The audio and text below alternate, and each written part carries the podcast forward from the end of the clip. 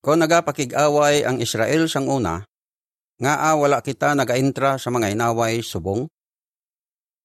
Kung hindi kamo magpakig-away kontra sa France o kon sa England, pamatyon kamo tanan. Amo ini ang ginsinggit sang isa ka opisyal sang Nazi sa isa ka grupo sang mga saksi ni Hoba sang bugos kalibutan nga inaway dos. Bisan pa ara sadto ang mga soldado sang Nazi nga may mga armas. Wala gid sing bisan isa sa aton mga kautoran ang nagkompromiso. Nangin maiso gid sila. Ginpakita nila ang aton panindugan bilang mga saksi ni Jehovah. Wala kita nagaintra sa mga inaway sa kalibutan. Bisan pa ginapahog kita nga patyon, wala kita nagasuporta sa mga inaway sa kalibutan.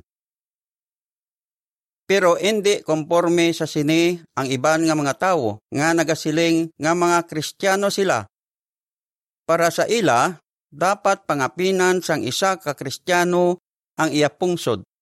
Posible magsiling sila kung nagpakig-away sang una ang katawhan sang Dios nga mga Israelinhon nga a hindi dapat mag-intra sa mga inaway ang mga Kristiyano subong.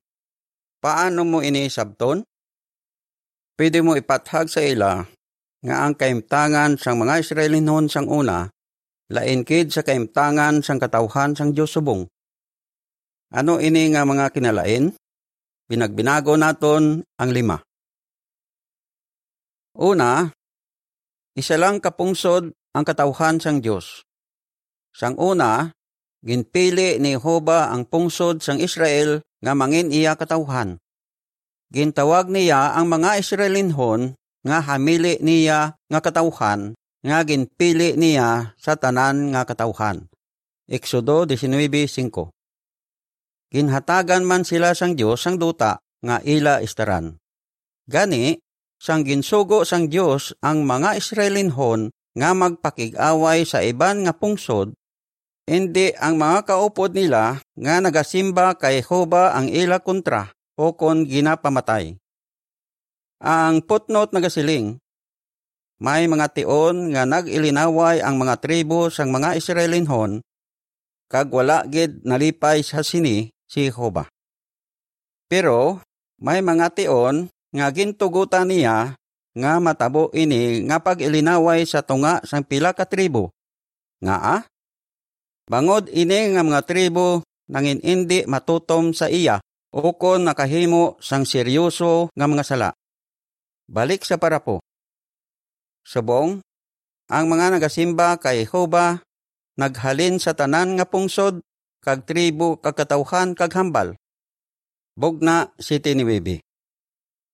Kung mag-entra sa inaway ang katawhan sang Dios, posible nga mangin kontra nila ang ila mga kauturan o kon mapatay pagani nila sila.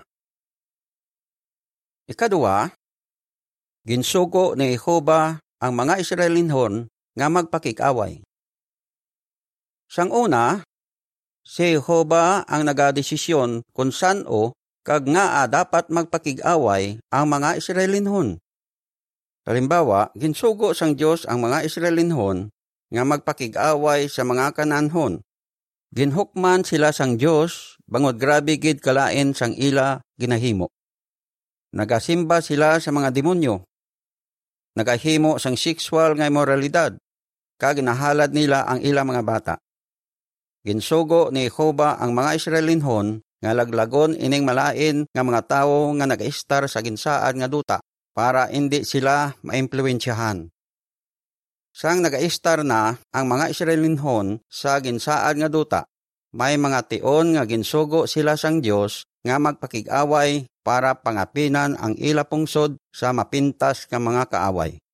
Pero wala gid gintugutan ni Jehovah ang mga Israelinhon nga sila ang magdesisyon kung bala magpakig-away sila o kung hindi. May mga sitwasyon nga sila ang nagdesisyon pero hindi gid maayo ang natabo sa ila. Subong, wala ginsugo ni Jehovah ang mga tao nga magpakig-away Nagainaway ang mga pungsod, hindi bangod amo ini ang gusto sang Dios, kundi bangod amo ini ang ila gusto. Posible nga gusto nila nga maglapad pagid ang ila sakop, magmanggaranon pagid ang ila pungsod, o kon ipilit ang ila ginapatihan sa politika. Pero may mga tao nga nagasiling nga ginsugo sila sang Dios nga magpakig-away para pangapinan ang ila reliyon o kon para pamatyon ang mga kaaway sang Dios. Matuod bala ini? Hindi. Amligan ni Hoba ang mga nagasimba sa iya, kaglaglago niya ang iya mga kaaway sa palabuton sa tion sang inaway sa Armageddon. Sa sina nga inaway, ang espiritu nga mga tinugalang ang gamiton sang Dios sa pagpakig-away kag indi ang mga tawo nga nagasimba sa iya.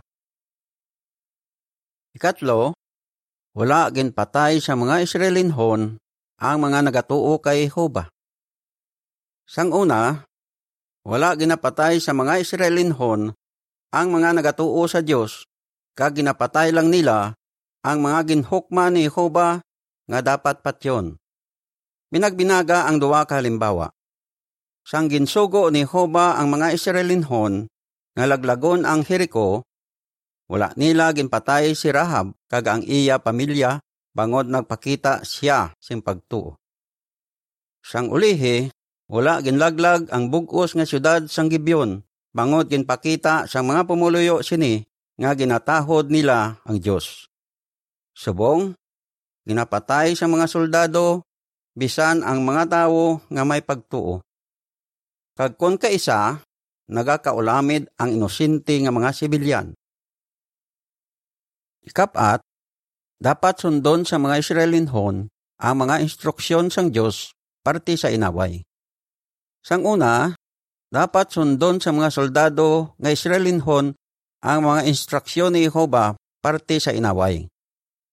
Halimbawa, may mga tion nga ginsilingan sila sang Dios nga maghimo sing mga kondisyon para sa paghidait sa ila kontra nga syudad. Deuteronomio 20:10 Ginsugo man ni Jehovah ang mga soldado nga Israelinhon nga dapat mangin matinlo sila kag ang ila kampo, kag dapat nila sundon ang iya mga kasuguan parte sa husto kag sala. Wala man gintugutan ni Jehovah nga luguson sa mga Israelinhon ang mga babae sa ginperdi nila nga mga syudad, bisan pa amo sini ang ginahimo sang kalabanan nga soldado sang mga pungsod sa palibot nila. Ginsugo pagani sila nga hindi nila pagpangasawon ang ginbihag nila nga mga babae kung wala pa magsukat isa ka bulan sa tapos nila, maperde ang isa ka syudad. Subong may ginhimo nga mga kasugtanan ang kalabanan nga pungsod nga dapat nila sundon sa tion sang inaway. Ginhimo nila ini para amligan ang mga sibilyan. Pero sa masami, wala ginasunod ini nga mga kasugtanan. Ikalima, Ginbuligan sang Dios ang iya katawhan sa pagpakig-away. Sang una, ginbuligan ni Hoba ang mga Israelinhon para magdaog sila sa inaway. Kag sama-sami, ginhimo niya ini paagi sa milagro. Halimbawa, paano ginbuligan ni Hoba ang mga Israelinhon para maperde nila ang siyudad sang Jericho? Ginsugo sila ni Hoba nga magsinggit sing mabaskog nga singgit sang inaway Siyang ginihimo nila ini, narumpag ang pader. Bangot sini, madasig nila nga napirdi ang syudad. Josue 6.20 Kag paano naman nila napirdi ang mga amornon? Ginpatupan sila ni Hoba sing dalagko nga mga yelo halin sa langit. Mas madamo ang napatay sa yelo sang sa napatay sang espada sang mga Israelinhon. Josue 10.6 hasta 11 Subong wala ginabuligan ni Hoba ang bisan ano nga pungsod sa ila mga inaway. Ang iya ginarian nga ang hari amo si Jesus, hindi bahin sini nga kalibutan. Juan 18.36 Pero ang tanan nga gobyerno sang tao ginaimpluensyahan ni Satanas, kay siya ang nagagahom sa sini nga kalibutan. Makita gid sa mga inaway sa kalibutan ang malain nga mga kinaiya ni Satanas Ginapabaloran sa matuod nga mga Kristiyano ang pagidait. Base sa ginbinagbinag naton, ang aton kaimtangan subong lain gid sa mga Israelinon sang una. Pero may iban pa nga mga rason kung nga wala kita nagaintra sa inaway. Halimbawa, gintagna sang Dios nga sa katapusan nga mga adlaw hindi na magtuon sa pagpakig-away ang mga ginatudloan niya. Gani, hindi man sila magintra sa inaway. Isayas 2.2 hasta 4 Nagsiling man ang Kristo nga ang iya mga disipulo hindi bahin sang kalibutan o kon hindi sila dapat mag-intra sa mga inaway sa kalibutan. 1.15.19 Pero, may ginpaligon pagid ang Kristo nga dapat himuon sang iya mga sumulunod. Ginsugo niya sila nga dapat nila likawan ang mga kinaiya nga posible magresulta sa dumot, kaakig kag inaway.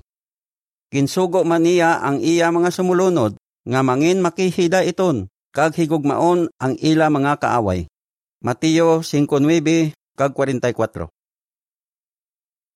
Paano naton ini matuman? Posible gid nga wala man sa aton hunahuna nga mag-intra sa inaway. Pero base may ginadumtan kita nga utod nga posible mangin rason nga magbahin-bahin ang kongregasyon. Dapat gid naton panikasugan nga dulaon ina nga balatyagon. Wala kita nagaintra sa mga inaway sa mga pungsod. Sa baylo, kinapanikasugan naton nga pabaluran ang pagidait kag magpakita sang gugma sa kada isa. Kabay pa, nga panikasugan naton nga magpabilin nga neutral samtang ginahulat naton ang tion nga dulaon na ni Jehova ang inaway. Diri natapos ang artikulo.